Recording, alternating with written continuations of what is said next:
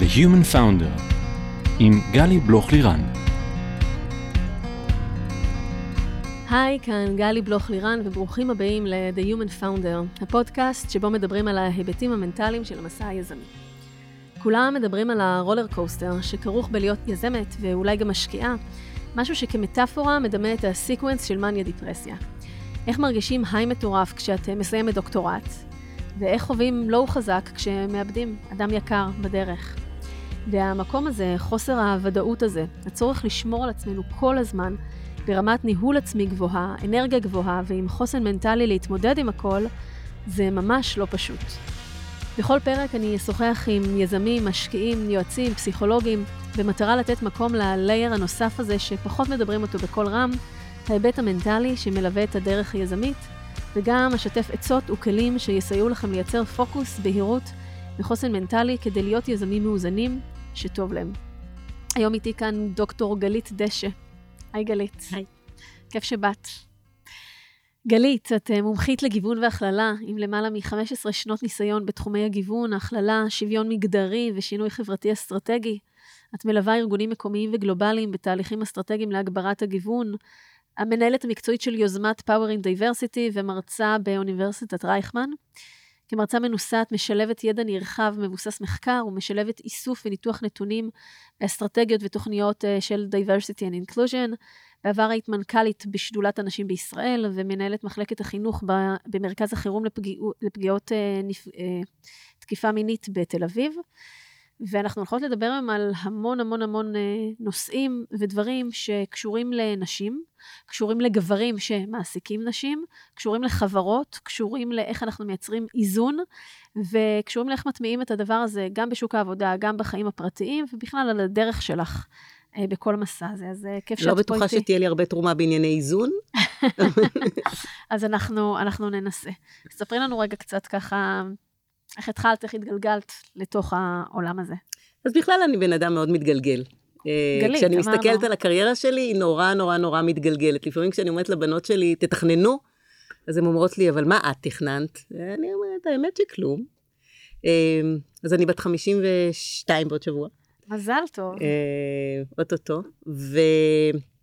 והתחלתי, אני חושבת, את המסלול המקצועי שלי בלימודים, בלימודים אקדמיים. למדתי במחלקה למדע המדינה באוניברסיטה העברית, ולמדתי מגדר, כשעוד לא היו לימודי מגדר, שזה אומר לקחת כל קורס שיש באוניברסיטה על פמיניזם בכל וריאציה, אה, וניהלתי את מרכז לייפר, ועשיתי תואר שני, והלכתי לעשות תואר שלישי, אה, ואת הדוקטורט שלי כתבתי על יחסי לאומיות ומגדר בצפון אירלנד וברשות הפלסטינית, ואפילו גרתי בבלפסט שנה, שזו חוויה יוצאת דופן, בטוח בשנים האלה. למה, מה היה מיוחד אז? קודם כל זה היה 2001, וההסכם שם נחתם ב-1998. זאת אומרת שהם עוד היו בשיא, שיא היציאה ממאבק אלים ותהליך בנייה, וזה בדיוק הנושא של הדוקטורט שלי. ומצד אחד את רואה צמיחה וניסיון באמת לעשות שיקום, ומצד שני את הולכת ברחוב, ובין רחוב לרחוב עומד חייל עם אפוד ועם נשק דרוך וב... פוזיציית קריאה ומסוקים מהירים בלילה לתוך הבית, ויש הרבה מאוד אירועים קשים, ואני מאוד אוהבת להסתובב. אז גם את החלק שלי על הרשות הפלסטינית עשיתי פיזית ברגליים, והייתי המון בשכם וברמאללה, ו... אה, אז גם בצפון אירלנד הסתובבתי, והצלחתי לגרום ל- שיכניסו אותי למטה של ה-IRA, ופגשתי הרבה מאוד אנשים. אה, איך הגעת לזה, לעשות את זה, את הדוקטורט על שתי הטריטוריות הללו? כי את עבודת המאסטר שלי כתבתי על מנהיגות פמיניסטיות פלסטיניות. וכשהגעתי לדוקטורט רציתי לעשות מחקר השוואתי. ומי שהנחתה אותי, פרופסור גליה גולן, אמרה, בואי תבדקי את האופציה של צפון אירלנד, יש הרבה נקודות דמיון. זה היה מאוד מעניין.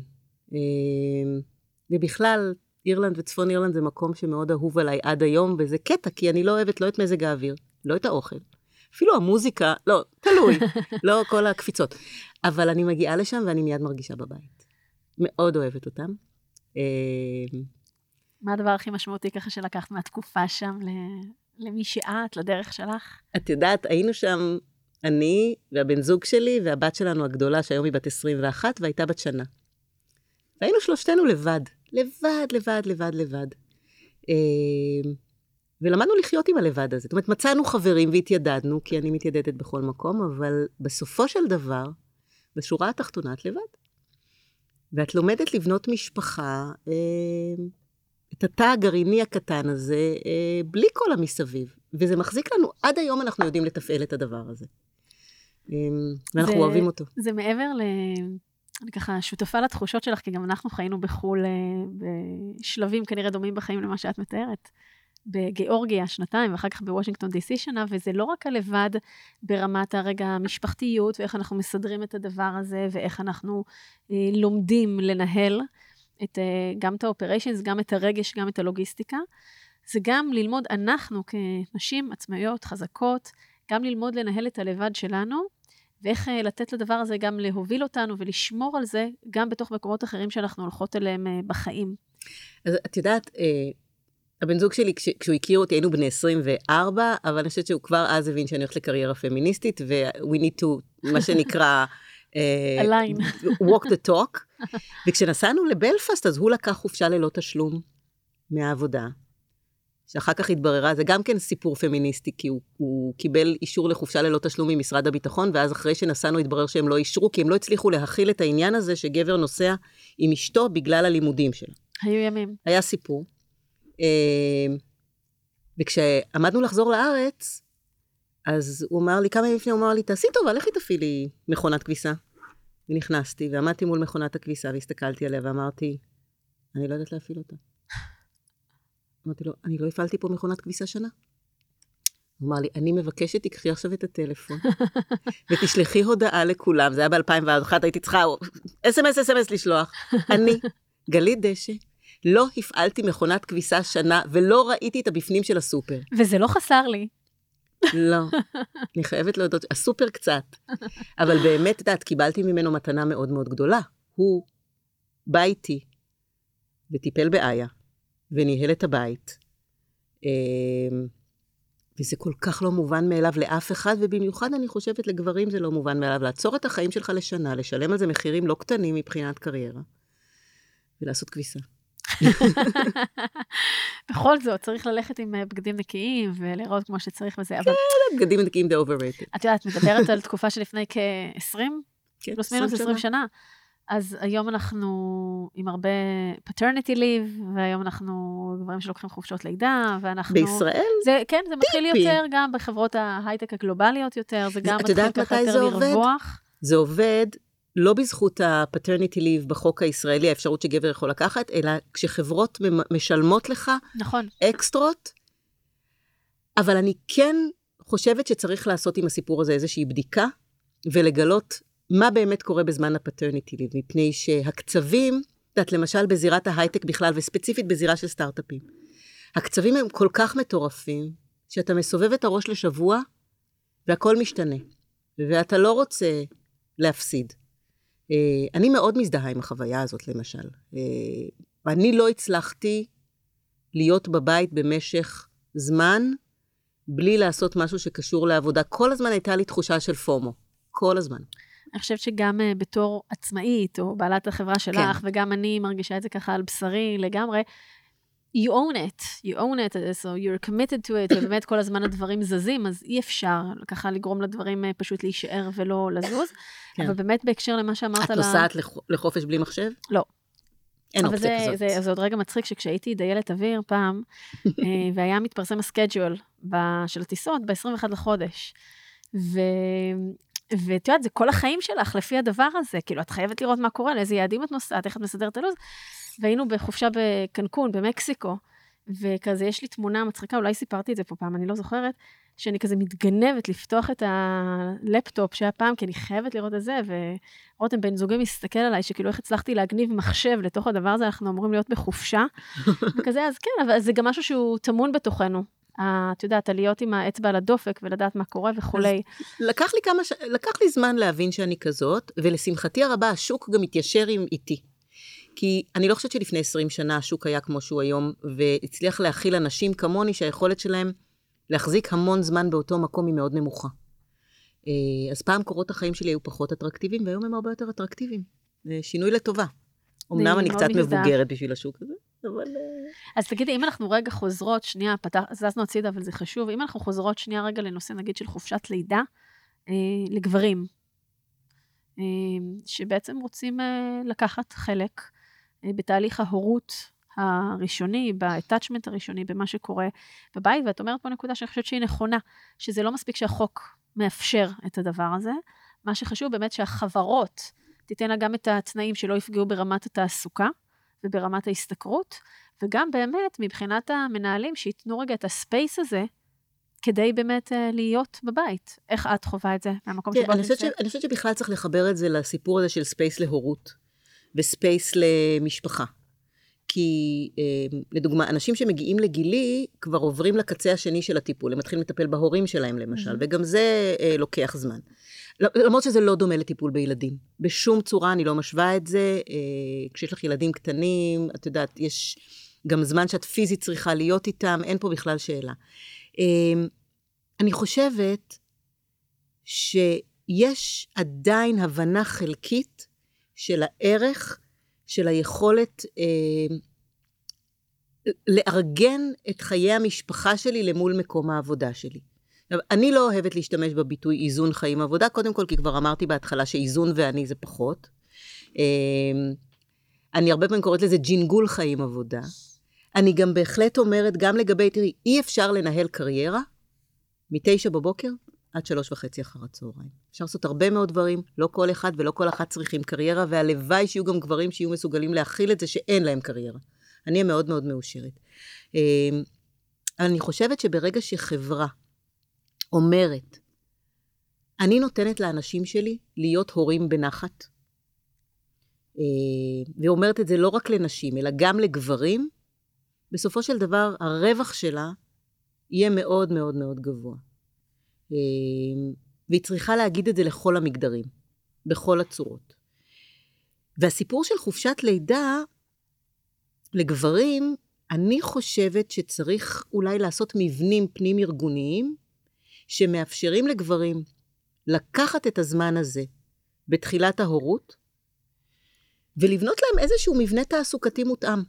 לא צריך לקרוא לזה חופשת לידה, לא צריך לשלוח אנשים לשבת בבית נטו ולא לבוא לעבודה ולא לפתוח מחשב ולא לענות על מיילים. בואו נחשוב על איזשהו מודל. כי עדיין בסופו של דבר, אם האישה יולדת, אני מדברת על מקרים שבהם mm-hmm. האישה יולדת, היא צריכה את הזמן הזה. אי אפשר לקחת לה אותו. הקונספט הזה שבו אחרי שישה או, שבועות או. היא חוזרת לעבוד כן. והוא מחליף אותה, זה לא בריא, זה לא בריא פיזית, זה לא בריא נפשית. ולחברות, אה, את יודעת, במיוחד חברות הייטק, יש המון משאבים לעשות את זה. נכון, יש להם מחסור אדיר בכוח אדם, אבל יש להם יכולת לבנות מבנים מאוד גמישים ומעניינים. זה אתגר. זה, זה אתגר, ואיך את מרגישה שבסוף, בסוף הם, חשובה להם שורת הרווח, והם צריכים לדלבר, והקצבים הם מאוד מאוד גבוהים, ואז פתאום כשנעדרים אנשים, שנעדרים, בין אם זה, נשים רגע, זה סיפור אחר, אבל כשנעדרים פתאום גברים לחופשת לידה, אה, שזה כאילו, עד היום לא היה יותר מדי הדיפולט, אה, לא כי זה לא צריך להיות, כי זה פשוט לא היה המצב.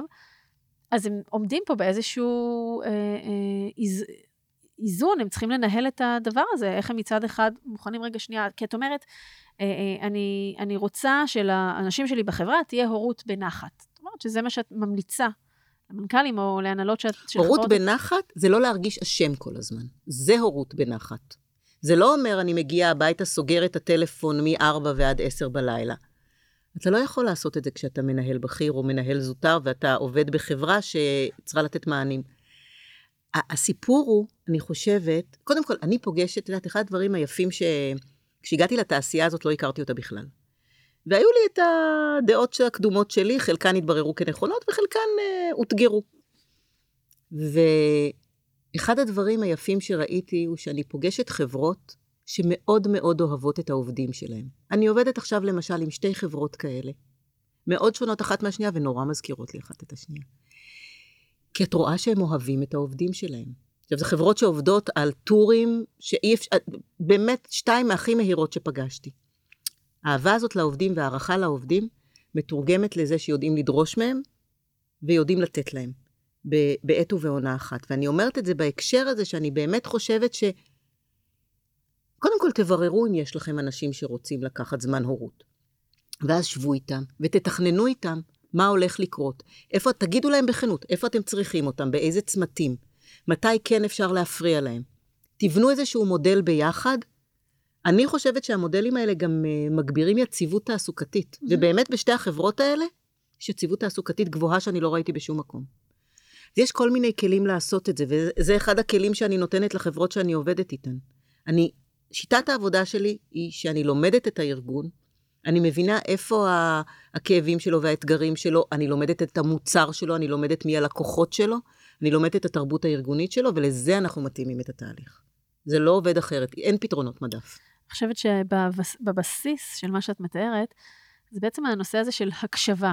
למשל, אם אנחנו מדברים בנושא של הורות, אז לא רגע רק לבוא ולהנחית, כי ככה אני חושב. נכון. גם הרבה פעמים השדרה הניהולית היא לא בהכרח, היא, היא גם מגוונת, היא גם לא בהכרח באותם שלבי חיים לצורך העניין של חלק מהעובדים, יש כאלה צעירים יותר או בוגרים יותר.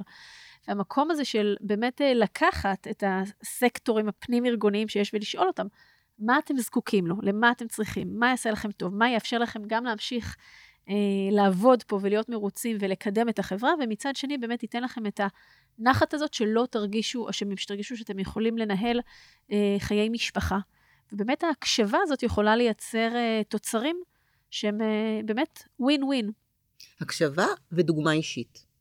אתן לך דוגמה, אה, אחת החברות שאני מלווה, אה, גייסה בפעם השנייה עובד ערבי.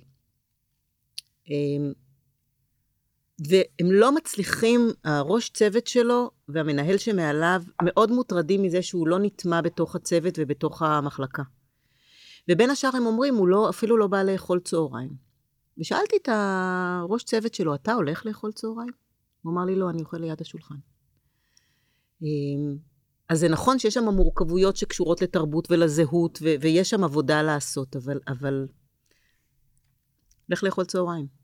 אל תאכל עם העובדים שלך, אבל קום, תעשה פאוזה, לך לאכול צהריים. או חברה אחרת שאני עובדת איתה, אחרי הרבה מאוד שנים של עבודה מטורפת, אחד היזמים הודיע, גם להנהלה וגם לבורד, שכרגע הוא שם את המשפחה שלו במקום הראשון. והכל הולך להתנהל בהתאם לצרכים של המשפחה. והם מצאו לזה פתרון, הוא עובד, באמת, החברה מצליחה, יופי, הכל מצוין, מצאו פתרונות. זה היה עובד או... לא, זה היה אחד היזמים. אחד היזמים. כן. אני יכולה להגיד לך מהזווית שלי, שכמה שיש לחץ מאוד מאוד גדול לסטארט-אפים, ובין אם זה גיוס אנשים, או גיוס כסף, או לייצר את ה traction למוצר, כל הדברים האלה, ואני זוכרת את זה מהימים ש... לפני כ-15 שנה, שהייתי עוזרת אישית של מנכ"ל מאוד מאוד בכיר, והדבר הראשון שדאגתי, כי לא היו לו, לא, לא היו לו חיים מאוזנים, בצורה מעודנת, נגיד את זה, זה היה באמת לדאוג לעוגנים האלה, כי, כי זה מה שמזין, וזה רגע מה שנותן את הדלק, וזה כל כך כל כך חשוב. וגם היום, אני רואה יזמים אה, שאני מלווה, ש, שאם אין להם רגע את הזמן הזה, ואת ה... יכולת להתפנות גם הביתה, אז גם שם מתחיל לחץ, וגם שם מגיע חוסר תמיכה, והדברים האלה מחלחלים בעצם לתוך התפקוד בארגון, וזה מאוד מאוד חשוב לדעת לקחת את הברייקים האלה ולייצר שם משהו שהוא יותר הוליסטי, שהוא רואה את כל דברי החיים, וכנ"ל גם נשים שהם אנחנו כמובן לא כולם הורים, הכל בסדר, אבל אני כרגע מדברת בהיבט של ההורות, אה, שגם נשים של באמת לא להיות עם התחושת אשמה הזאת, ולדעת שזה בסדר רגע כשצריך לשים פסיק וצריך לעשות את הדברים האחרים, החיים הם משהו עגול, החיים הם לא רק נדבך אחד, ואנחנו רוצים אה, להכניס את ההרמוניה הזאת פנימה, וגם כמובן לא אנשים שהם הורים, אנשים שהם אה, נכון. רווקים אה, בגיל או מהבחירה וכולי, ו... וגם הם רוצים למלא את החיים שלהם בדברים אחרים. אני חושבת שהמושג שאמרת, הקשבה, הוא, הוא תובנה מאוד מאוד אה, עמוקה. אה, והרבה מאוד פעמים אנחנו בתהליכי הייעוץ שלי, אני, אני, אני מוצאת שאנשים לא מקשיבים כי הם נורא מפחדים מה הם ישמעו. ואם הם ישמעו מה יקרה אם... זה למשל, אני פוגשת הרבה, מספרים מנהלים אה, שהם נורא מפחדים לעשות שיחות חתך ושיחות אה, עם עובדות, כי הם נורא מפחדים שהן יפרצו בבכי. כתבתי על זה לפני, לפני חצי שנה, טור ל, אה, לגלובס, אה, על, על מתי בכית בפעם האחרונה במשרד. מסתבר שאנשים בוכים בעבודה המון המון המון המון. אמ, אבל אף אחד לא נותן למנהלים כלים להכיל את הבכי. Mm-hmm. בכי הוא כלי מאוד, הוא אירוע מאוד מאוד מורכב. אמ, וחלק משמעותי בסיפור זה באמת, אנשים בורחים מהקשבה, כי הם מאוד מפחדים מה יהיה אם אני אה, אגלה משהו שאני לא רוצה לדעת או אני לא יודע איך לעבוד איתו. בסיפור של גיוון והכללה, שאלת ההקשבה היא מאוד משמעותית. אני המון פעמים אומרת, תשאלו אותם, ואז אומרים לי, מה באמת? תשאל. תשאלו אותם מתי הם רוצים חופש. תשאלו איזה מתנות הם רוצים לקבל. תשאלו אה, מה נעים להם ומה לא נעים להם. הרי, הרי מה קורה פה בעצם? כשאנחנו ניגשים אל משהו בחיים בכלל, או אל אנשים, או אל, אל תהליך, או אל אה, חוויה, שהיא שונה ממה שאנחנו מכירים. היא לא טובה יותר, היא לא טובה פחות, היא פשוט שונה. אז אנחנו לא מכירים את כל השדה של מה שקורה שם. אנחנו, זה, זה, זה תחום חדש, אנחנו לא מכירים.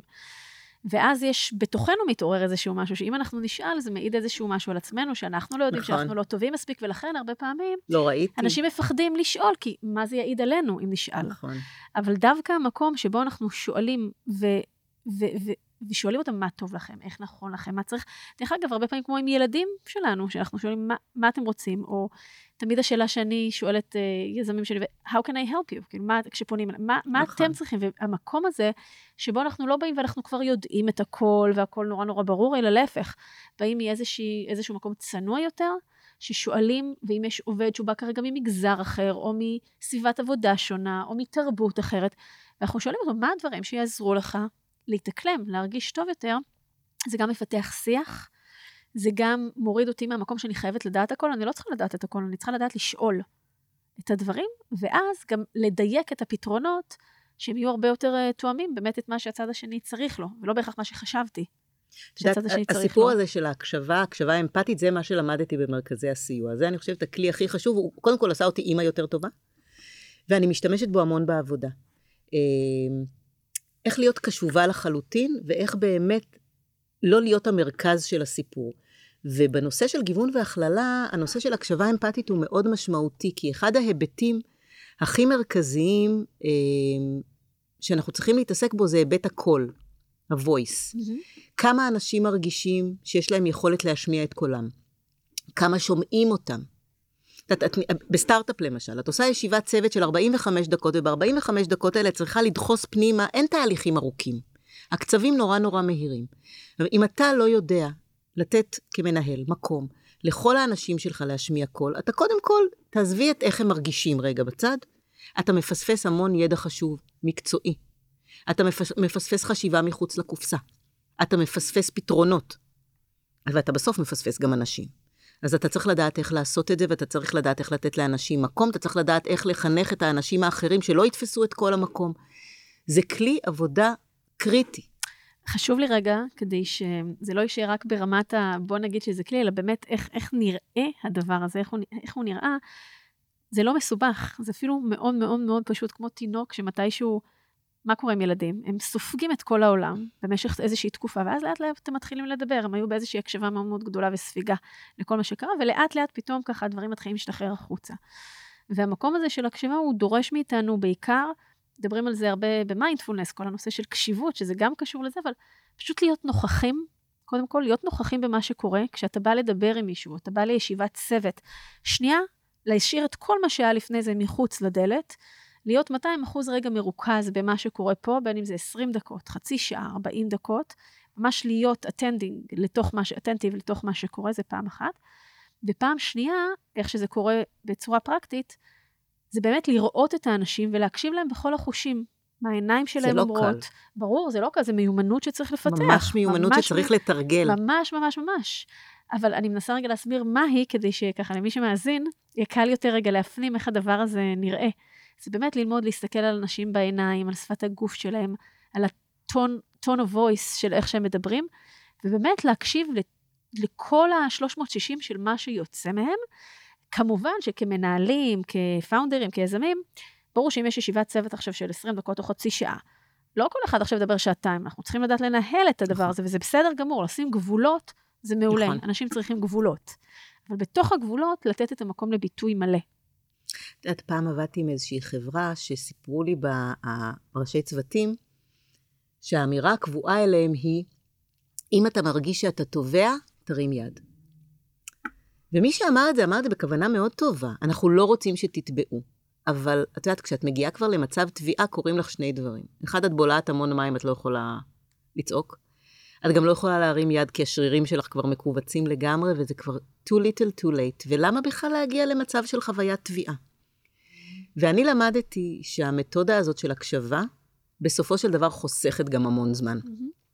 העבודה שלי, חלק ניכר מהזמן, אני נכנסת לחדר ושואלים אותי כמה זמן זה הולך לגזול ממני, או במקרים מסוימים כמה זמן את הולכת לגזול ממני. וממש מבקשים ממני למדוד שעות וכמויות. כשאנחנו עובדים עם סטארט-אפים ב-Power in Diversity, אז אחד, יש לי ממש דף שבו אני מראה כמה זמן ייקח כל דבר. אז רגע, בואי נפתח שני סוגריים. ספרי לנו על Power in Diversity. אוקיי. ליישר קו רגע. אז Power in Diversity אה, יוזמה שהוקמה לפני אה, כמעט חמש שנים על ידי אלן פלד, ה founder ו managing partner של קרן וינטג'. גוגל את. We know, we all know. ו... אירחנו את אה, שירה אטינג המקסימה פה אה. לפני אה, כמה פרקים מווינטג'. ו... ושירה היא פרטנרית יוצאת דופן. אה, אלן הוא איש מאוד מיוחד, אה, ובצד היותו אה, כריש גדול של התעשייה הזאת, ובאמת דמות מאוד מרכזית, הוא גם אה, פילנטרופ, והוא גם איש מאוד מאוד חברתי, והוא הגיע לרעיון הזה מתוך מבט על המחסור האקוטי בעובדים ומתכנתים ומהנדסים אה, בזירה, אה, בזירת ההייטק בכלל ובסטארט-אפים בפרט, עד כדי ההבנה כבר לפני חמש שנים שזה הולך לעשות נזק מאוד גדול לתעשייה. אה, והוא חיבר לזה באמת את הרצון שלו לעשות חברה ישראלית יותר טובה, יותר שוויונית, יותר הוגנת, יותר צודקת. אה, והזמין אותי לנהל את הדבר הזה. אלוהים רק יודע איך, כי אני באמת לא ידעתי דבר וחצי דבר על הייטק. הדבר הראשון שעשיתי היה לפתוח מילון מושגים כזה של סטארט-אפים, ולהבין מה זה מיטאפ ומה זה... כלום לא ידעתי. באמת, באתי מהעולם החברתי, באתי מכל מיני מקומות אחרים. אני כן יודעת להקים פרויקטים, ואני כן יודעת uh, גיוון והכללה. וחמש שנים, uh, 170 סטארט-אפים חברים, 60 קרנות תומכות, פרויקטים פילנטרופיים. אנחנו מלווים בעצם uh, סטארט-אפים וחברות צמיחה בתהליכי הטמעה של גיוון, הוגנות, הכללה ושייכות. יש לנו כל מיני מודלים של uh, ליווי, אנחנו עושים איתם הרבה הרבה הרבה דברים, ובעיקר מלמדים אותם איך לא מתחילים מלגייס את העובדים, אלא מכינים תשתית מספיק טובה כדי שאנשים באמת יבואו, כמו בסרט המפורסם שדה החלומות. זוכרת את הסרט הזה? תזכירי. עם קווין קוסטנר, שהוא יורש מאבא שלו שדה חיטה באיווה, ואבא שלו בא לו בחלום ואומר לו, אני רוצה שתבנה אה, שדה, אה, מגרש בייסבול, שכל ה all-stars האמריקאים יגיעו, אבל הוא אומר לו, אבל אבא, למה שהם יבואו? אז הוא אומר לו, If you build it, they will come. וזה המוטו שלי.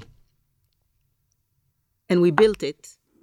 Um, היום uh, מלבד אלן מובילים את היוזמה הזאת סיוון שמרי דהן מקומרה, וקובי um, סמבורסקי מגלילות, ושותפים בוועדת ההיגוי שלנו ויולה ופיטנגו, ו-60 קרנות, uh, וקורים דברים מרתקים בתעשייה בהקשר הזה. ב- ב- כשהתחלנו, יצאנו לדרך, אמרו לי כל הזמן, תעזבי, הם לא, הם לא, זה לא, זה לא יקרה. זה לא יקרה. אין להם capacity לזה, אין להם סבלנות לזה. איך את מרגישה אבל שמעבר לנגיד מיטאפים או הרצאות על הדברים האלה, איך באמת זה מוטמע הלכה למעשה בתוך החברות? כי אחת הבעיות בכל ה... נקרא לזה התחומים הללו, אני לא עושה לזה אבל זה רגע כדי לה- להמחיש איזושהי נקודה, to make a point, שאוקיי, יש עכשיו נושא של גיוון והכללה, בואו נעשה איזה פרויקט, אחת הביקורות כלפי כל מה שקשור, כן. תחת ה-CSR, ה-corporate social responsibility, וכל הנושאים של קיימות, וכל הנושאים של אחריות תאגידית, זה שהרבה פעמים, אוקיי, יש עכשיו איזשהו טרנד, בואו נגיד שגם לגמרי. אנחנו מדברים על הטרנד הזה, ונעשה איזה פעילות, ונעשה איזה הרצאה, ונמצא גם, נפתח גם איזשהו תקן, ו- ועוד, ו- ובדיוק בשיחה שהייתה לי פה עם יובל קמינקה מג'וי טיונס, אז גם דיברנו על זה שהרבה פעמים גם חברות משתמשות בזה בת, בצורה צינית. נכון. אז איך אנחנו מורידים את זה מכאן, מלעשות רגע איזשהו טרנד או מסר, או כי על זה העולם מדבר, לבאמת הלכה למעשה להטמיע דברים בתוך ה-identity של החברות, בתוך תהליכי העבודה שלהם, בתוך האופן שבו העובדים מרגישים, בתוך המוצר. תראי, קודם כל, אני לא נלחמת בזה שזה טרנד. יש הזדמנות, יש חלון, צריך להיכנס ולהשאיר אותו פתוח. שזה אומר, צריך לקחת את הטרנד הזה, והתפקיד שלנו, האחריות שלי כשאני מלווה חברה, זה להראות לה איך DEI, Diversity, Equity, Inclusion, מסייע לה להפוך להיות חברה טובה ומצליחה יותר. עכשיו, חברה טובה ומצליחה יותר זה הרבה מאוד דברים.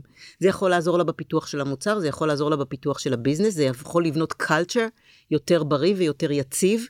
זה יכול להביא לה כוח אדם ו- ואנשים uh, טובים, זה יכול לפתוח את החשיבה, אבל את יודעת מה, זה אפילו יכול לעשות את הטובה במובן של טובה וצודקת. Mm-hmm. ואני פוגשת, אחד הדברים שגיליתי בתעשייה הזאת, שיש בה המון המון אנשים שצדק ושינוי חברתי חשוב להם באותה מידה כמו שחשוב להם להצליח פיננסית. וזו לא נחלתה רק של הזירה החברתית.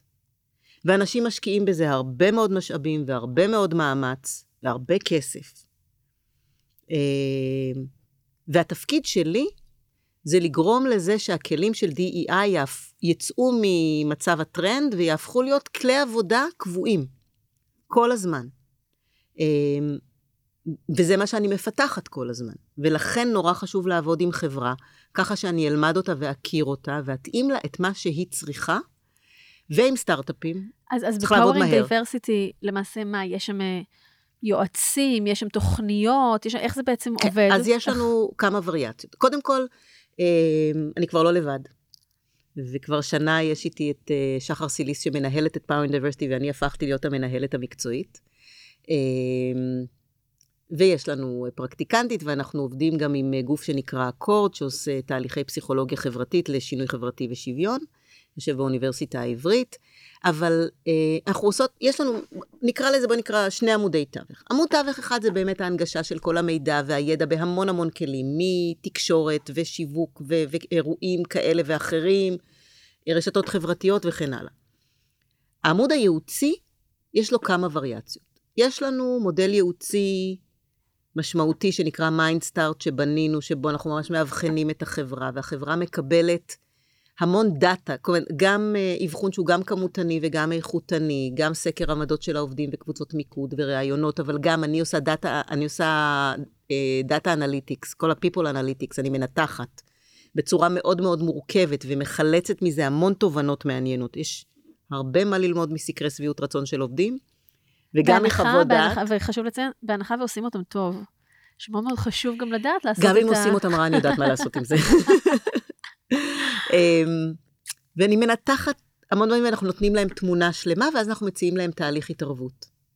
איך לעשות את זה. אבל אפשר גם את המודל הזה לעשות יותר בקטן ויותר מהיר. תהליכי ייעוץ יותר זריזים, שמתאימים לחברות יותר קטנות, לחברות שאין להן את הקפסיטי לעשות תהליך יותר ארוך. גם הארוכים שלנו הם לא ארוכים מאוד, כי אי אפשר לעשות תהליכים של שנים תגידי, בסטארט-אפים. בהקשר הזה, בדרך כלל כל הנושא של, אה, אה, של diversity and inclusion יושב הרבה פעמים בעצם תחת ה-HR. האופן שבו זה נכון. מתנהל הלכה למעשה, זה יושב תחת ה-HR. יש ארגונים שחרטו את זה על דגלם בצורה מאוד מאוד משמעותית, וזה ממש יושב תחת המנכ"ל או המנכ"לית, או ברמה של כערך, ממש ברמה שכל תהליך שקורה בעבודה זה חלק ממה שקורה, בין אם זה בחברות גדולות ששמות גם בדירקטוריונים, ובין אם זה אחוזים נכונים של אה, אה, אוכלוסיות שונות, בין אם זה בהחלטות לגבי כמות הגיוסים שתהיינה, בח... ש... שיהיו בחברה. אה, ולדאוג שיהיה גיוון תעסוקתי, בין אם זה באופנים, בחגים, המון המון דרכים להטמיע את הדבר הזה. איפה את חושבת שהאכסניה הנכונה של כל ה... התחום הזה כדי שיהיה שם כן. האימפקט הגדול ביותר? אני אגיד לך מצד אחד שאני חושבת שזה מאוד תלוי החברה, אבל אני כן אדייק את זה. מניסיוני, כשיש לך אה, אה, סמנכ"לית HR, אני אומרת... או אה, סמנכ"ל. ברוב המקרים זו אישה, את יודעת. אני, אני, אני נהנית לדבר בזה. בלשון אישה. חזקה, שיש לה מבט אסטרטגי, ויש לה תפקיד מאוד מרכזי בארגון, והיא מובילה את הדבר הזה, זה יעבוד מעולה. אמ, אבל, אם המנכ"ל לא בעניין של הסיפור הזה, לא יקרה כלום. או המנכ"לית? מנכ"ל זה בסדר, אפשר כן. להוסיף את ה... זה ראשי תיבות, אז אפשר... בסדר. אמ, זה לא יקרה. בסופו של דבר, את צריכה להבין מי גורמי הכוח בתוך הארגון ולדאוג שהם כולם יהיו בעניין. אמ, אני חושבת שאם יש לחברה CSR, צריך לשלב אותה בתוך התהליך הזה, אבל מאוד מאוד חשוב לשלב גם את הליבה המקצועית. אם זה חברה טכנולוגית, אז uh, CTO או product, uh, או מי שמוביל את ה-business, מישהו, מי הדמות, הדמויות המשמעותיות בתוך הארגון. ואז את בונה איזושהי מערכת, אבל מערכות HR בתוך ארגונים, כשהן בנויות היטב, יודעות להוביל תהליכים כאלה מצוין, ואני מאוד נהנית מהעבודה איתן. זה שוב, זה מאוד מאוד תלוי בארגון, ובסוף צריך למצוא את מי שרוצה לקחת את זה על הכתפיים שלו. אני חושבת שמה שאמרת, שגם חשוב מאוד uh, לשלב את הליבה המקצועית uh, בתוך, ה, בתוך ה, התחום הזה, בתוך העניין הזה, זה קריטי. כי זה האופן שבו אנחנו מצליחים להחדיר את זה ממש לתוך החברה, לתוך המוצר, לתוך השירות, לתוך האנשים, לתוך התהליכים, וזה לא רק נשאר איזשהו משהו שהוא ככה שכבה מעל. ולגרום להם להבין מה יוצא להם מזה. אם לא יוצא לו מזה כלום, ויש לו על הראש מספיק תיקים, אז זה, זה יהפוך להיות עוד איזה סדנה למנהלים, או עוד איזה אה, אירוע קטן. אבל הרעיון הוא, אני רוצה שהם יבינו שהכלים האלה עוזרים להם להצליח. ואת יודעת מה? גם אם מתחילים לפעמים, אה, כמו שאמרת, ממקום של אה, אה, לעשות מזה יחצ"נות, אז אני, אני, אני חושבת שאני יודעת איך לקחת את זה ולקדם את זה. לפעמים זה באמת מאוד ציני, תראי, מה שקרה כאן במאי 2020 עם ג'ורג' פלויד ו-Black Lives, גם בישראל, ההזנקה של הדבר הזה, אנחנו עדיין שם, זה עדיין עובד לנו. והרבה מאוד חברות ישראליות עשו את הדבר הזה, כי העובדים שלהם באמריקה נתנו להם בראש. לא כי זה עניין אותם. אבל יצאו מזה דברים נפלאים. אז אני, תשמעי, אני לא מפונקת, אני עובדת עם מה שיש. תגידי, אה, אני זוכרת שכששוחחתי עם אה, עילית רז, המנכ"לית של אה, ג'ונקו, היא אמרה את זה מאוד יפה, שהיום כבר, דרך אגב, בארצות הברית לא מדברים על diversity and inclusion, מדברים על diversity ו-belonging, שאנחנו לא רוצים לכלול את האנשים, כי מי אנחנו ש, שנכלול? אנחנו רוצים לגרום להם להרגיש שייכים. איך את רואה את הדבר הזה? אני... פה המוס... בארץ, באיך אז... שאנחנו מתפתחים, איך זה, איך זה קורם עור וגידים? תראי, סיפור המושגים הוא סיפור נורא חשוב. קודם כל, עילית אה, היא יודעת לדייק והיא ראתה את הכל הרבה הרבה לפני שכולם ראו. אה, באיזה כלי נפ... נפלא היא בנתה. בסופו, השיח על equity, על הוגנות, והשיח על belonging הם, הם, הם, הם מושגים הרבה יותר שוויוניים מאשר גיוון והכללה. שלא לומר הכלה. אני יודעת שבעברית כנראה צריך להגיד הכלה, אני לא יכולה לסבול את המושג הזה. אני לא משתמשת בו כבר. אמ, יש... אה, ולכן בסוף, הדברים שאנחנו צריכים להשקיע בהם מאמץ זה שכולם ירגישו שייכים ושכולם ירגישו שנוהגים בהם בהוגנות. אלה היעדים שלנו. ואז ההכללה וההכלה והגיוון, הכל יגיע בסופו של דבר. אבל היא צודקת, אלה, אלה המושגים החשובים באמת. תגידי, ממה, ש... באמת, ממה שאת חווה היום, במה שקורה בשוק, ויש עכשיו שיח מאוד מאוד ער אה, על כל הנושא של משכורות והשוואת משכורות, ולראות שמגיעים באמת לאותם תפקידים עם אותו ותק וכולי, שבאמת אין אה, אה, אפליה בין נשים וגברים, ויש איזה ככה שיח מאוד מאוד ער בתקופה הזו. מה, איך את חווה את זה מחברות הייטק, שאת עובדת איתן, גדולות? מאיפה בכלל מגיע המקום הזה של, באיזה זכות, אם יורשה לי, מגיע המקום הזה של בכלל לחשוב מראש, אם היא לא ביקשה, אז לא ניתן לה. דרך אגב, זה לא חייב להיות אישה. זה לא חוקי גם. זה יכול להיות גם עם מגזרים אחרים, לא בהכרח נשים אל מול גברים, זה גם יכול להיות אה, אולי מגזרים מוחלשים באופן יחסי, שלא מעזים לבקש, או אם הם לא ביקשו, אז לא, לא, בואו לא ניתן להם את הדבר הזה. מאיפה זה מגיע? את יודעת, השבוע סיפרה לי יפעת ברון, המנכ"ל, המייסד והמנכ"לית של שזה mm-hmm. ארגון uh, אה, NGO שעושה השמה של אוכלוסיות גיוון, היא התחילה מערבים, היום היא גם uh, עוסקת אני, בחרדים. אני זוכרת אותם, כן. יופי של עבודה. Uh, היא סיפרה על... Uh, היא עשתה תהליך השמה של uh, מהנדס ערבי, איש עם חמש שנות ניסיון, עם רקע מאוד טוב, ואז היא, באיזשהו שלב, בסוף התהליך היא שאלה אותו, כמה אתה רוצה להרוויח? כמה אתה הולך לבקש? הוא אמר לה, ארבע וחצי? היא חשבה שהיא לא שמעה טוב. זה, זה באמת אירוע נורא נורא קיצוני, בואי, זה לא, זה לא דוגמה, אבל עצם זה שהאירוע הזה מתרחש, מספר לנו משהו. כש... ב-2012, כש...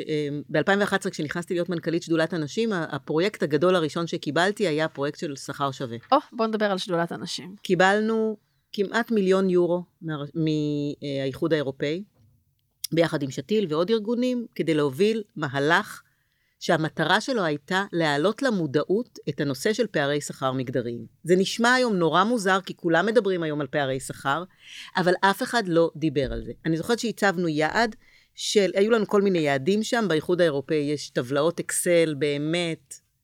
זה, זה, זה, זה, זה, זה ללמוד לקרוא את זה, זה כבר עוד תואר אקדמי. כבר דוקטורט. כן. אבל זה, זה, כשאת לומדת לקרוא את זה, את פתאום רואה, זה נראה כמו שירה. זה, זה נראה נפלא. אני אוהבת אקסל. אמ, מיליון יורו. והצבנו כן. יעד ל-40 אייטמים תקשור, תקשורתיים בשנה, לא היה אחד. גמרנו את השנה הראשונה עם 90, mind you, אבל היה צריך לתקן חקיקה שם, אף אחד לא דיבר על שכר. הכרחנו את הממונה על השכר באוצר היעד לעשות... היה 40 אייטמים תקשורתיים על נושא של אה, שכר. היו כל מיני לנשים? יעדים, היו תיקוני חקיקה, והיה Mhm. יעד לנהל תיקים, לא היו תיקים בנושא הזה. Mhm. היה את המהלך המפורסם של אורית גורן אה, שהגיעה לבג"ץ, אה, לא היו תיקים, לא היו תביעות. אה, לא הייתה חקיק... אה, היו תיקוני חקיקה שהיה צריך לעשות. אפרופו, תיקון חקיקה שהכנסנו היה תיקון שאומר שגם אם, אם, אם מישהי מגיעה לראיון עבודה, זה מישהי או מישהו, מבקשת שכר שהוא נמוך ממה שמקובל לשלם לשכר שלה למגדרים אחרים, צריך להשוות לה את השכר. זאת אומרת, אתה לא יכול עדיין להתעלות במת... באמירה הזאת, לא אבל זה מה זמן שהיא על ביקשה. כן. לא עובד יותר.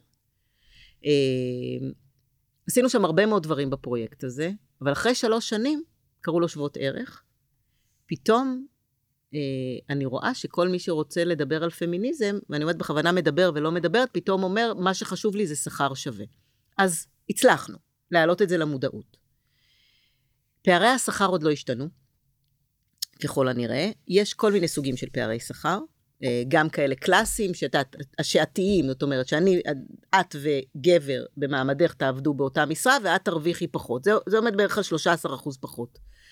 אבל הממוצע במשק של שכר נשים הוא הרבה יותר נמוך, מפני שנשים גם לא נמצאות במ- במקצועות שבהם מרוויחים יותר. ואם את מסתכלת למשל על הייטק, לא מספיק נמצאות במקצועות. את רואה שאת המס... שנשים, ערבים, חרדים ונשים חרדיות, המשכורות שלהם נמצאות במקומות הרבה יותר אה, נמוכים מאשר של גברים אה, לא חרדים יהודים. אה, אז זה בהקשר הזה. אבל יש משהו מאוד מעניין שאני רואה באבחונים שלי. אחד הדברים שאני מאוד מתעקשת לעשות באבחון, זה שאני לוקחת אה, סקרי שביעות רצון של עובדים, ושם תמיד שואלים גם על השכר, ואני מסתכלת מה נשים לעומת גברים חושבים על הפיצוי שלהם, ואני גם, השאלות האלה גם עולות בקבוצות המיקוד שאני עושה. ובאופן סיסטמטי, כמעט בכל חברה נאמר לי, לכי תבדקי את השכר. אנחנו אומרים לך, אנחנו אומרות לך, תמצאי שם פערים. ואז אני הולכת ובודקת את השכר, ולפעמים אני מוצאת, אבל הרבה פעמים אני לא מוצאת. כמה מהחברות שליוויתי בשנתיים האחרונות, אז למה, למה עובדים עדיין בתחושה הזו יש שיש פערי נרטיב, שכר? קודם כל כי המשק מדבר על זה, וזה באמת יש וגם פערי יכול להיות שכר. שיש פה בעיה שגם הארגון לא משקף בדיוק, לעובדים בקטע של תקשורת בדיוק. פנימית. חבר'ה, אנחנו פה, אין איפה ואיפה. בדיוק. במטריצה של איקס שנות ניסיון לתפקיד הזה, זה השכר. יכול להיות שיכולה להיות סטיית תקן כזו וכזו לעוד uh, כישורים נוספים וכולי וכולי. אבל זה, זה הדבר. לא מספיק, וזה חלק מהעניין, לא מספיק רק לשמור על שכר הגון והוגן ושוויוני. צריך גם לדל, לתקשר את זה פנימה. אנשים צריכים לדעת, תראו לאנשים נתונים. טוויטר למשל, בשנים האחרונות, כל הזמן מודדת את עצמה ו, אה, ומדווחת לעובדים את הנתונים שלהם על אה, פערים אה, של גיוון והכללה ושייכות. באומץ גדול. כי לא תמיד זה נראה טוב. אבל היכולת של חברה לבוא לאנשים של הפנימה ולהגיד להם, אלה המקומות שבהם אנחנו פחות חזקים, ופה אנחנו הולכים להשתפר, ואז גם לשאול אותם, בואו לעשות מה שנקרא קבוצות ERG, ולשאול אותם, ת- ת- תסברי הולכים לנו את האוזן. ERG, Employee Resource Group, קבוצות עבודה של עובדים בכל מיני נושאים, לא רק בנושא של גיוון והכללה, אבל במקרה שלנו, אלה קבוצות עובדות, שהן חלק מהתהליך. כשאת רוצה תהליך שלם בארגון, את צריכה שההנהלה תהיה חלק, שה-HR יהיה חלק, שהמנהלות והמנהלים יהיו חלק ושהעובדים יהיו חלק. ולכל עמוד תווך כזה, כל שדרה כזאת בארגון, יש מתודות אחרות. וזה כל פעם כלפי נושא אחר? כמו סוג של קבוצת מיקוד סביב איזשהו נושא פנים-ארגוני? ההמלצה שלי שהם יבחרו. הם יבחרו את הנושא. כן. אז זה סוג של, אם, אה, אם רגע ננסה לתת את זה ככלי, בין אם זה חברות אה, סטארט-אפ בתחילת הדרך, ובין מדהים. אם זה חברות בצמיחה, או ממש כבר חברות שגדלו להיות קורפורייטס, זה למעשה לקחת סוג של אה, מעגל כזה, שיש בו נציגים מכל שכבות הארגון, מההנהלה, מה-HR, נכון. מהעובדים המקצועיים, מהמנהלים, מהעובדים עצמם, ולבחור את הנושא, נשוא הדיון, שצריך לדבר עליו, ויכול להיות שזה קשור לפערי שכר, יכול להיות שזה קשור, אפרופו חופשות לידה שדיברנו עליהן קודם, יכול להיות שזה קשור לגיוון התעסוקתי, יכול להיות שזה קשור ל... לשפה בארגון, להמון המון המון להיות גם, נושאים, זה יכול להיות גם להרים אירועים בנושא הזה בתוך הארגון, זה יכול ולאפשר- להיות המון ולהרים שם דברים. שיח פתוח. אז השיח זאת ההתחלה, אבל הטריק של ERG זה שהם גם מבצעים. לא הולכים חזרה ל-HR ואומרים להם, הבאנו רעיון, הם תעשי. מטמיעים את זה. הם עושים את התהליך, ואז הם הופכים להיות בעצם שותפים Mhm. ושגרירים של הנושא הזה. זה אחד הכלים, זה וטאסק פורסס, זה אחד הכלים הכי חזקים להניע שינויים בתוך הארגון, אבל זה לא בא במקום תהליך אסטרטגי מסודר, עם יעדים, עם הצהרות, עם לקיחת אחריות. לפני, אה, אני חושבת, שמונה שנים היה טרנד אה, בחברות טכנולוגיות גדולות, שנתנו לעובדים להריץ פרויקטים. נתנו להם תקציבים על גיוון והכללה, ואמרו להם, תרוצו עם הפרויקט. שזה מקסים, אבל זה לא And then what? and then what. השאלה מה קורה אחר כך, כי נכון. לעשות פרויקטים, יש את הסיפור המאוד מאוד יפה, אה, מספרים אותו הרבה בהקשר של, אה, של חדשנות, איך, אה, לא, נדמה לי שזה היה חברת בואינג, אבל אני לא בטוחה, איך בעצם המציאו ככה את הסוג החדש של המטוסים, כי הם פתחו את היחידה הקטנה בעצם בתוך היחידה ונתנו להם לעשות מה שהם רוצים, אבל זה לא היה רק תקציב לזה, אלא בואו נעשה ונטמיע את זה אחר כך גם, ממש ממש בתוך החברה. וזה אחד הדברים הכי משמעותיים, אפרופו שיחתנו, שזה לא יהיה רק איזה נושא, כאיזה טרנד, איך אנחנו לוקחים ownership על הדבר הזה וממש מכניסים אותו לתוך התהליכים שלנו אחר כך, וכשזה נעשה בד, בדמותם ובצלמם של הרבה אנשים שבחרו מה הדבר שצריך לקרות, הרבה יותר קל להם לעשות מה שנקרא אינטרנליזציה של הדבר הזה, להפוך את זה אה. להיות חלק מהם, חלק זה משלהם. הופך להיות חלק מה-DNA של החברה, בסופו של דבר. ו... והרבה פעמים חברות את חוגגות, עכשיו, למשל ראיתי היום דיון, אני חושבת שזה לגמרי קשור ל-DEI. Uh, את יודעת, כל הדיון הזה ב-8200 הוא קרבי. כן, Uh, אז עכשיו כל חברה מתחילה לספור uh, כמה קרביים היו לה, מה אנשים עשו בצבא, איפה הם לא היו... בש... סבבה, יופי. Uh, אבל זה עדיין, את יודעת, הולמרק כזה של, uh, של זהות, והשאלה מה, מה אתם עושים עם זה הלאה. Uh, and then what שאמרת, זאת בדיוק השאלה. שזה לא ייגמר בעוד פרויקט, בעוד היילייט. אני לא חובבת גדולה של אירועי שיא. הם לא משאירים המון חותם. אני מעדיפה תהליכי, תהליכים עמוקים, אתם רוצים לחגוג את זה יופי, ואת יודעת, אני אומרת משהו ואני... אני, אני חיה ועובדת בתוך תעשייה שחיה מאירועי שיא. כי זה חלק גם מה-branding וה-positioning, וזה נכון. חלק מה-PR, וזה חלק ממה שיוצא, אבל באמת חשוב להבין שמה שיוצר impact זה לא touch and go. זה משהו שהוא באמת נכון. אה, אה, נכנס פנימה, ודרך אגב, בגלל, לא, לא חסרים אה, תחומים ולא חסרות אה, בעיות ולא חסרים אתגרים שכחברה היינו רוצים לשפר אותם, ולא חייבים אה, to address them all, לא חייבים לבחור 20. ואז אפשר באמת להטמיע, להפך, אסור לבחור 20 לצמצם, במקביל. לבחור את האחד, נכון. שניים, שבהם נרצה להתעמק ולהתמקד בשנה, בשנתיים נכון. הקרובות, ואז איתם לעבוד ולעשות עבודת עומק בכל מיני, אה, בכל מיני רבדים. דיברנו רגע קצת על ככה אה, diversity and inclusion and belonging, ואיך זה בא לידי ביטוי, והזכרת את אה, שדולת הנשים. היית אחר כך אה, למעשה גם במרכז לנפגעות תקיפה מינית. לפני השדולה. לפני. לא משנה הסדר הכרונולוגי, תספרי לנו קצת ככה מה, מה היה שם. הגעתי ב-2006 לנהל את מחלקת החינוך של מרכז סיוע לנפגעות ונפגעי תקיפה מינית בתל אביב, שהוא חלק מרשת. מרכזי הסיוע הם עמותות שיושבות תחת אה, ארגון גג שנקרא איגוד מרכזי הסיוע. מרכז הסיוע הראשון הוקם ב-1978. המרכזים נותנים מנעד מאוד מאוד רחב של מענים לנפגעי ונפגעות תקיפה מינית, מקווים, דרך קבוצות תמיכה ודרך תהליכים מאוד עמוקים של אה, חינוך, גם מערכות חינוך, גם צוותים חינוכיים, צוותים טיפוליים, וגם אני עשיתי, אני בניתי תחום שלם של גם מניעת הטרדה מינית בעבודה. אה, אני עד היום מדי פעם עושה את זה. ככה, דוגמת אה, חברות ומלווה אותן קצת. מרכז סיוע מבחינתי זה קו פרשת מים. זה, אני חושבת, מה שעיצב אותי. יש קצת כמה אירועים בחיים שמעצבים אותנו, זה אחד המעצבים שלי. למה? כי למדתי שם שפה אחרת, ומבט אחר על החיים, ויכולת הכלה אחרת. אה, פה הכלה כן עובדת. אה, אני חושבת שזה עשה אותי מנהלת יותר קשובה וטובה, וזה עשה אותי אימא יותר טובה, אה, וחברה יותר טובה. ו... ותראי, בשבילי, את יודעת, אם את מסתכלת על הפייסבוק שלי, את יודעת, כל בן אדם חברתי, את רואה מה מעצבן אותו. Uh-huh. אני, העצבים שלי עולים בנושאים האלה. בלי סגירת חשבונות פה עכשיו. לא, לא, וואלה, אנחנו נתחיל, לא נגמור. אמ, אני עד היום מלווה, אני פעם בשבועיים בערך מקבלת פנייה על איזשהו מקרה אה, ומסייעת ללוות. אמ, אבל יש משהו בנושא הזה של פגיעות מיניות שהוא אירוע כל כך עמוק חברתית ותרבותית, שאנחנו אחרי 50 שנה בערך של הצלחות מאוד מאוד גדולות ושינוי מאוד עמוק והמספרים לא יורדים.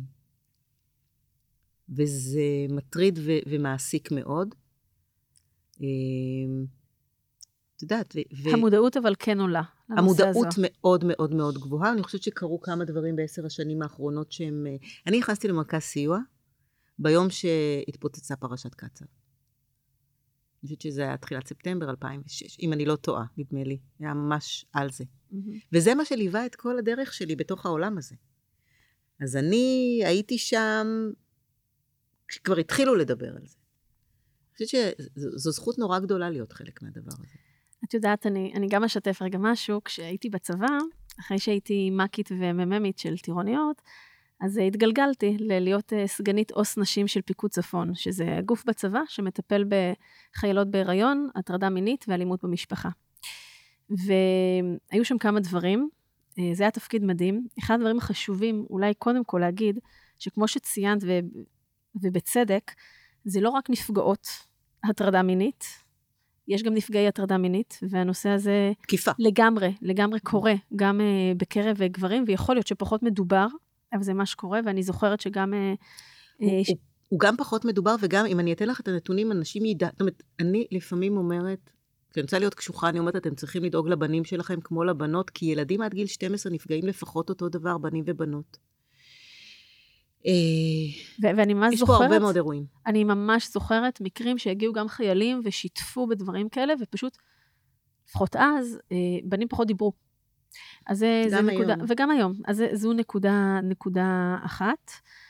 ואולי הנקודה השנייה, אז בדיוק נחקק החוק למניעת אה, אה, הטרדה אה, מינית, וככה היו קצת שינויים בעקבותיו, ו, וכן, יש היום בכל חברה תקנונים, ואמורה להיות, אה, אמור להיות מי שבדרך כלל שאחראית על כל הנושא הזה בתוך חברות וכולי, אבל, והטרדה מינית ותקיפה מינית, זה, טוב, תקיפה זה די ברור, אבל הטרדה מינית זה איזשהו מונח שגם כל בן אדם יכול לפרש אותו אחרת בהינתן הוא עצמו ואיך שהוא מרגיש עם הדבר הזה, זה משהו שהוא סובייקטיבי ברמות של הטרדה, לא ברמות של התקיפה.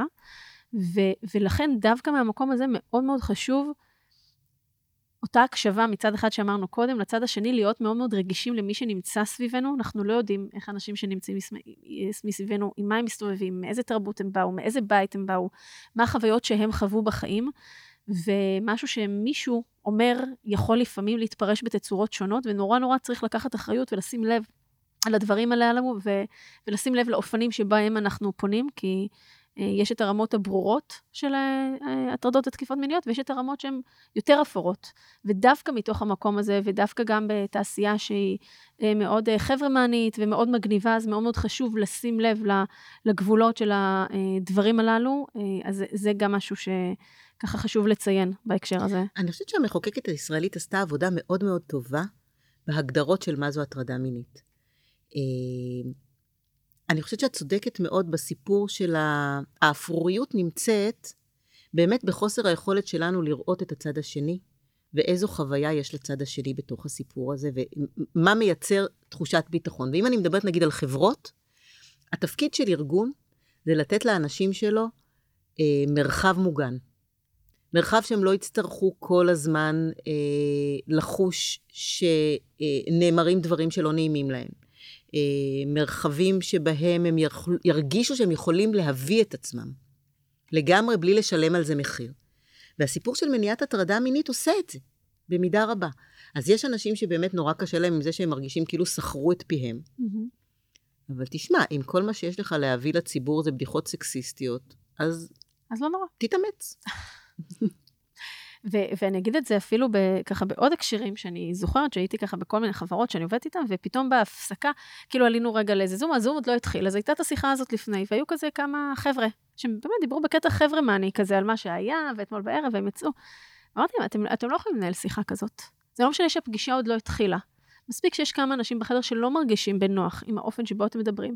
תעשו את זה עם הקפה, אחר כך בחוץ לבד, או אם זה בצהריים רק אתם, אבל אנחנו צריכים לקחת אחריות על זה שאנחנו לא לבד, ואנחנו צריכים, לא במקום של זהירות יתר ואסור להגיד כלום, אלא במקום שצריך להבין שלא כולנו אותו דבר, ויש אנשים עם סף רגישות שונה לכל מיני דברים, וחייבים לכבד את זה, ובדיוק כמו שאת אומרת, לייצר את המרחב הבטוח, שאנשים לא יצטרכו להרגיש אה, זהירים, אה, או איך הם צריכים לפרש את הדברים באופן הזה או באופן האחר, אלא באמת שזה יהיה איזשהו סייף זון כזה שנעים ובטוח להיות בו.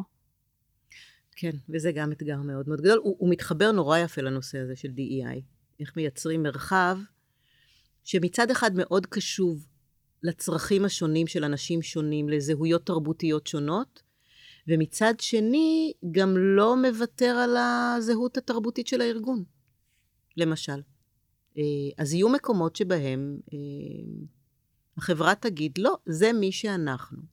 אבל אני חושבת שפעם אמר לי איזשהו מנכ"ל, אה, הוא אמר לי, אני, אני אה, מחנך את האנשים שלי לגייס מגוון, מאוד מאוד חשוב לי שיבואו אנשים מזהויות שונות, מתרבויות שונות וזה, ואני כבר שמחתי, ואז הוא אמר, אבל הם צריכים לדעת שברגע שכף רגלם דורכת בתוך הארגון, יש לנו את התרבות שלנו והם צריכים להתאים את עצמם אליה. להתיישר. ה-cultural fit הזה הוא צריך להתחלף במה שנקרא cultural add. אבל בשביל שזה יקרה, צריך להבין את... ל-cultural fit יש המון כוח והמון ערך. אה, חלק מלהיות, את יודעת, את רואה את זה במה שאנחנו קוראים לו המרק, המרצ'נדייס, התיוגים, יש חברות שכולם הולכים עם החולצה גם. כשאנחנו נבין מה יוצא לנו מה-cultural add, מלהביא פנימה עוד אנשים אחרים שמביאים גוון תרבותי אחר ושונות תרבותית, אז זה יעבוד. כל עוד זה מפחיד אותנו, זה לא יעבוד. דרך אגב, אני חושבת שפשוט צריך, זה דיוק יפה, אבל אפשר להסתכל עליו קצת יותר רחב. cultural fit זה, יצרנו עד היום איזשהו culture בחברה, אבל החברה היא evolving, החברה היא יצור חי, דינמי, מתפתח, נכון. גדל, כל עוד היא חברה בריאה ומשגשגת, או מגייסת, ועם מערכות שווי טובות וגדלה, החברה היא משהו דינמי וחי וזה... ונושם. ולתוך הדבר הזה, לדעתי, ה-cultural add, ה-addition, מאוד מאוד מצטרף לתוך הדבר הזה, כי ה-fit, ה-fit גם משתנה, גם מוצר, אנחנו יודעים הרי ש-product market fit זה אחד הדברים הכי חשובים בתחילת חייו של סטארט-אפ, אבל ה product market fit גם משתנה אחר כך לאורך הדרך, כי השוק משתנה קצת והמוצרים משתנים והכמות users גדולה, ואנחנו כל הזמן צריכים להיות עם אצבע על הדופק, אז לא יודעת אם הייתי מסתכלת על זה ש... אנשים חדשים חייבים להתאים למה שקיים, כן, אבל המשהו הקיים הוא גם מתפתח, הוא גם גדל. וזה אבל, אני יכולה להגיד לך, אחד הדברים שהכי קשים לסטארט-אפים. שזה מעניין איך ארגונים שההצלחה שלהם תלויה בזה שהם יעשו קפיצות mm-hmm. עצומות mm-hmm. במהירות מטורפת. אה, חברות שמ-100 עובדים מכפילות את עצמן תוך חצי שנה. עכשיו, ברור שזה חייב לבוא עם הבנה שהארגון השת... זה כבר ארגון אחר. כן. כשאת קונה חברה, את הופכת ל... אבל היכולת להיפרד מהחוויה הראשונית של הזהות הזאת. כולנו ביחד בסיפור הזה, החברותה הזאת, במיוחד בישראל, מאוד מאוד קשה. זה אחד האתגרים הכי גדולים בתהליכים ארגוניים בסטארט-אפים. וביחד עם זה מגיע החשש מלהפוך לקורפורייט. נכון. והקומבינציה הזאת ביחד באמת גורמת לזה שאנחנו הרבה פעמים דווקא נאחזים ככה בקרנות המזבח של הזהות זה קצת המקורית. חוזר למה שדיברנו בהתחלה, שכשאנחנו באים לעבר משהו חדש, ואנחנו לא כל כך מכירים אותו, אנחנו לא יודעים, אז אנחנו מאוד מתגוננים ומתבצרים רגע בעמדה שלנו, במקום רגע לשאול, המון. מה נשמע, וזה- מה זה אתה מאוד צריך, מה טבעי. קורה, וזה מאוד דומה, מאוד זה מאוד טבעי. טבעי באמת. ואנחנו, יש לנו את חלק מהסיפור של הקושי ב-DEI, זה שאנחנו, קודם כל, יש לנו נטייה לשכפול עצמי לכולנו. יש לנו נטייה להיזהר ולהתרחק ממה שלא מוכר לנו. כל מה שלא מוכר לנו נראה לנו, ועל זה יש גם, יש מחקרים על המוח בהקשר הזה. כל מה שלא מוכר לנו נראה לנו מאיים, או שאנחנו בכלל לא מצליחים לראות אותו. שזה בכלל, לכי תתמודדי עם זה שאת את לא מסוגלת לראות שונות. וגם עם ה... את יודעת, עם ההבנה של ההצלחה שלנו טמונה באמת ב, במי שאנחנו, אז למה לשנות? אני חושבת שבהקשר הזה, וגם דיברתי, אני מדברת על זה הרבה עם יזמים שאני עובדת איתם שעושים את הצמיחה הזו, וגם פה בפודקאסט שככה יצא לי לארח אה, מרואיינים שמשתפים על הדבר הזה. ואם אנחנו מזקקים באמת את הערכים, את ה-values שעומדים בבסיס, ב foundation של מי אנחנו כחברה, אז אנחנו מבינים שהתצורה שלהם יכולה לבוא לידי ביטוי באופנים שונים ככל שהחברה אה, גדלה. אני תמיד אוהבת להשתמש בדימוי הזה מעולם הביולוגיה, אה, שיש לנו גנוטיפ ופנוטיפ. גנוטיפ זה בעצם הגן עצמו בתוך ה-DNA שלנו, ופנוטיפ זה נגיד צבע העיניים, זה הגנוטיפ, והפנוטיפ זה כחול, שחור, אפור, חום, ככה כל המגוון האפשרויות שיש. והאופן שבו הערך שלנו בא לידי ביטוי, בשלב הראשון, נגיד, יכול להיות בצורה מסוימת, וככל שאנחנו אבולבינג וגדלים, ופתאום מ-100 אנשים מכפילים את זה ל-200 אנשים, אז אנחנו עדיין נשמור על הערך הזה, אבל האופן שבו הוא יבוא לידי ביטוי קצת ישתנה. כי אי אפשר בדיוק את אותו דבר שהתאים ב-100 העובדים הראשונים, לשכפל גם ל-100 העובדים הבאים, נכון. כל עוד אנחנו שומרים על, ה- על, ה- על ה-DNA הפנימי הזה שלנו ועל מה מניע אותנו בתוך הדבר הזה ופועלים אה, מתוך המקום הזה. אפרופו DNA, ואפרופו ככה, אה, ממה אנחנו פועלים בש, בעצם בחיים, אז שיתפת אותי ככה בקצרה, אני אשמח שתספרי לנו קצת, שהיום יש עוד אה, מיזם מיוחד שאת עובדת עליו, תספרי לנו. אה, זה, זה, זה קצת בחיתולים. אני קצת, אה, פתאום אני אומרת, מה, אני אדבר על זה ככה, זה יהיה מוקלט, זה יהיה... זה ייתן לזה קונקרטיזציה. אמ, לפני, אמ, כבר שמונה חודשים, חצי שנה, ישבתי בבית קפה עם חברה בהרצליה, ברחוב שמה, על הכביש. עבר על המדרכה מישהו שאני מכירה המון שנים, כי הילדים שלנו חברים טובים, יש לו שלושה בנים בגיל של הבנות שלי, והם שלושתם חברים מאוד טובים. ועמדנו וקשקשנו, ומה אתה עושה, ומה אתה טה. אחרי כמה שעות הוא שולח לי הודעה ואומר לי, אנחנו צריכים להיפגש, יש לי הצעה. ונפגשנו, והוא סיפר לי, הוא, הוא יזם, אני לא כל כך אוהבת את הביטוי יזם סדרתי, אבל הוא יזם, יש מאחוריו כבר כמה הצלחות אה, יפות וקצב נאה. אה, ואז הוא סיפר לי על החוויה שלו בתור בן לאבא מאוד חולה, הרבה מאוד שנים. החוויה הזאת תורגמה, ואני מיד, זה מיד תפס אותי, כי קודם כל אני בת להורים מבוגרים. אבא שלי נפטר לפני כמה חודשים, אבל לפני אה, חצי שנה, אבל... ואני הרבה עסוקה בטיפול ויוצאת ונכנסת מבתי חולים הרבה שנים, אבל לפני ארבע שנים אה, נפטר אח שלי, אהובי. אנחנו ארבעה אחים, שלושה בנים ובת, אני הקטנה. ואח שלנו עוז נפטר תוך עשרה שבועות ממחלה שנקראת GBM, גיאובלסיומה מולטיסרקומה, סרטן במוח, מאוד אלים ומאוד מאוד קשה, ואח שלי היה... אחים שלי הם דמויות מאוד דומיננטיות בחיים שלי. מאוד מאוד מאוד. אחרי הבן זוג שלי זה הטלפון הראשון. מאוד שונים אחד מהשני, והם אה, הרבה מקור ההשראה והכוח שלי. אה, ואני, ואנחנו היינו מאוד מאוד מעורבים בליווי של המחלה ובטיפול, והבחור הזה שפגשתי על המדרכה, ששמו צח, והוא שותף שלי היום, אחד משניים, צח ועמית, אה, אנחנו קוראים לזה המרדף אחרי האיש עם החלוק. החוויה הזאת שכשאת מאושפזת או כשאת משפחה של מאושפז, את מבלה חלק ניכר מהזמן שלך במרדף אחרי מי שייתן לך תשובות ויספר לך מה קורה. ובכלל בסיפור הרפואי יש פער נורא גדול, אבל בחוויית האשפוז הפער הוא מטורף. את חסרת שליטה, את חסרת ביטחון, את באובדן ידע, את לא מבינה מה קורה ומה הולך ובחרדה מאוד מאוד גדולה. ולצוות הרפואי גם אין זמן, וגם הוא במצוקה נורא נורא גדולה. המרדף הזה הוא דו-צדדי, כי גם האנשים עם החלוק המון פעמים בורחים, כי כי קשה. הם לא כל כך יודעים גם הרבה פעמים. זו חוויה מאוד קשה היום להתמודד עם מטופלים, זה לא קל. ובנינו, אנחנו בונים עכשיו, אנחנו בתהליך הקמה של סטארט-אפ. זאת אומרת, היה, היה כנראה ברור שבשלב מסוים גם אני אקים משהו. הכי התבקש.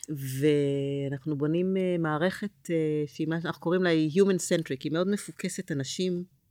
אני מביאה את הידע שלי מ- מעבודה באנשים עם טראומה, וצח ועמית מביאים את החלקים שלהם. אה, עמית הוא, הוא טכנולוג והוא איש product, וצח הוא איש business, ואנחנו בונים מערכת שמייצרת תקשורת מיטיבה בין חולים והמשפחות המלווים שלהם לבין הצוות הרפואי. מערכת דו-צדדית. אה, והשם שנתנו לחברה הוא אה, עוז uh, הלט. וואו, אני לא מאמינה שאני אומרת את זה פה. על שם אח שלי. אבל יש פה גם עוז, את יודעת, The Land of Oz, ואני אני אומרת... גם The Land of Oz וגם uh, גם התעוזה. כן, כן, זה... Uh, ההורים שלי נתנו לשלושת האחים שלנו שמות, אחים שלי שמות כאלה. קוראים להם אייל, עוז ואיתן, שמות של... חזקים. כן. ואנחנו, אני כל הזמן אומרת, אנחנו לא מבטלים, היום יש פחד נורא גדול שהטכנולוגיה תבטל את הממשק האנושי עם הרופא, עם הצוות הרפואי, עם האנשים הרפואיים, ואני אומרת להפך. הכלי הזה, התפקיד שלו, הוא להפוך את הממשק האנושי לקשוב, אפרופו מה שדיברנו עליו, לרגוע, למתקשר. שזה נעשה בעצם על ידי הקנייה והכנסה של עוד דאטה פנימה ועוד הרבה דברים שמאוד יכולים לפשט ולעזור בכל עומד, התהליך הזה. איפה אתה נמצא, לתת לרופא גם מידע שהוא צריך. הרבה פעמים גם החוסר תקשורת יושב על חוסר זמן ולחץ וחוסר יכולת להביא, ובאופן הזה, המון. אם הדברים נגישים בצורה הרבה יותר פשוטה, זה גם מקצר פה זמנים, זה מייעל את כל העבודה בדיוק. של המערכת. המון, המון, המון, המון. ואני חושבת שהטריק של הסיפור הזה זה בעצם מה שאנחנו מביאים איתנו, והיכולת הזאת להבין שההקשבה והאנושיות, אני כל הזמן אומרת שאנחנו עושים שינוי פסיכולוגי וחברתי בכלים טכנולוגיים. יש פה כמובן הרבה מאוד היבטים אחרים, אבל... ובשבילי, זאת הזדמנות להנציח את אח שלי בעוד דרך. אני בת לאחות, ואשתו של אחי שנפטר היא אחות, והבת שלו אחות. וואו. ואח שלי ב, בימים, ב, בסיבוב האחרון שלו, אח שלי היה מאוד כמוני, הוא עבר הרבה גלגולים. הוא היה אגרונום והיה לו משק בערבה, והוא ניהל את אורבוטק ביפן, והוא היה... ובגלגול האחרון שלו הוא היה סטארט-אפיסט. הוא היה שותף להקמה של סטארט-אפ שנקרא תבל, שעושה אה, רחפנים לקטיף פירות. ומי שהחליף אותו, ומי שהיום יושב ראש של החברה, זה האח הגדול שלנו. אה, מי זה מביניהם? אייל? אייל. אייל, כן. ו... כן, ו... אנחנו מאוד... ההנצחה של עוז היא, היא, היא באמת בזה. ואם אני אצליח לייצר דיאלוג יותר טוב ובריא בין חולים ומטפלים וצוותים רפואיים, אני ארגיש ש... תראי, כל החיים שלי, בסוף זה מה שאני עושה. אני עושה דברים שקשורים לתיקון עולם. ו- וזה באמת, והתיקון עולם, האופן שבו לפחות אני רואה, זה באמת, אם דיברנו על הקשבה, ואם דיברנו על diversity and inclusion and belonging, זה באמת מהמקומות הרגשיים ושל התקשורת. נכון. ושבאמת אם אנחנו קשובים לצרכים, בין אם זה צרכים של עובדים חדשים, או עובדים קיימים או מנהלים, ובין אם זה צרכים של חולים או משפחות של חולים, או צרכים של הצוות הרפואי, אז אם אנחנו באמת בהקשבה לדברים הללו, יש לנו יכולת לעשות שם אימפקט הרבה הרבה הרבה יותר משמעותי. אז גלית, קודם כל תודה על השיתוף האותנטי, ושככה הפתעתי אותך קצת, אבל לא נורא, דברים טובים לא, יוצאים מזה טוב. שזה יצא. זה יצא זה. אני בטוחה שיש לנו עוד מלא דברים לדבר עליהם, אבל אנחנו נשאיר משהו לפעם הבאה. אז תודה ככה באמת על החלק הכל כך חשוב הזה, לא רק בשיח על diversity and inclusion, ו... הטרדה מינית שגם הזכרנו קודם, ובאמת כל הנושא של הקשבה ו, וניהול אמפתי והקשבה אמפתית, אלא באמת על העשייה ש, שעושה גלים ו, ועושה אימפקט, ובאמת מייצרת דברים, זה מתחבר בדיוק ל, ל, לפרק שהקלטתי עם אה, דוקטור אורנה ברי, יקרה אמנם באנגלית, אבל עדיין, ובאמת דיברנו על זה, כמה זה שאנחנו נהיה טובים, אבל איך גם כל אחד מאיתנו צריך לעשות טוב כדי שה... for the greater good, כדי שהחברה, גם ה-society וגם ה-companies, כולם יהיו יותר טובים, כי בסוף זה, זה, זה בשבילנו. אה, זה בשבילנו, אז, אז באמת תודה שבאת ככה ועל כל ה... תודה שהזמנת אותי. דברים ששוחחנו עליהם. היה כיף, עבר נורא מהר. דברים טובים, את יודעת, מהמרים. איפה אפשר למצוא אותך, למי שככה מעוניין? אה, נורא קל למצוא אותי בלינקדאין. וגוגל קטן, וכל הפרטים האישיים שלי עולים. אז, אז הכל שם. אז אה, באמת, שוב, תודה למאזינים, אנחנו נשים פסיק. ככה אני גם אה, אומרת ליזמים שלי, מסשן לסשן. אם נהניתם, אני ממש אשמח שתפיצו את הפודקאסט ליזמים ומשקיעים שאתם מאמינים שיקבלו ממנו ערך. תודה לגוגל קמפוס שמאפשרים לי להקליט כאן את כל התוכן הכל כך כל כך חשוב הזה. אתם מוזמנים לבקר באתר שלי בגלי-בלוך-לירן.קום ולהשאיר שם את הפרטים שלכם כדי להתעדכן וללמוד עוד על ההיבטים המנטליים של המסע היזמי, וגם לעקוב אחרי הפודקאסט שלי, The Human Founder, באפליקציות הפודקאסטים שלכם. שמים פסיק, ניפגש בפרק הבא.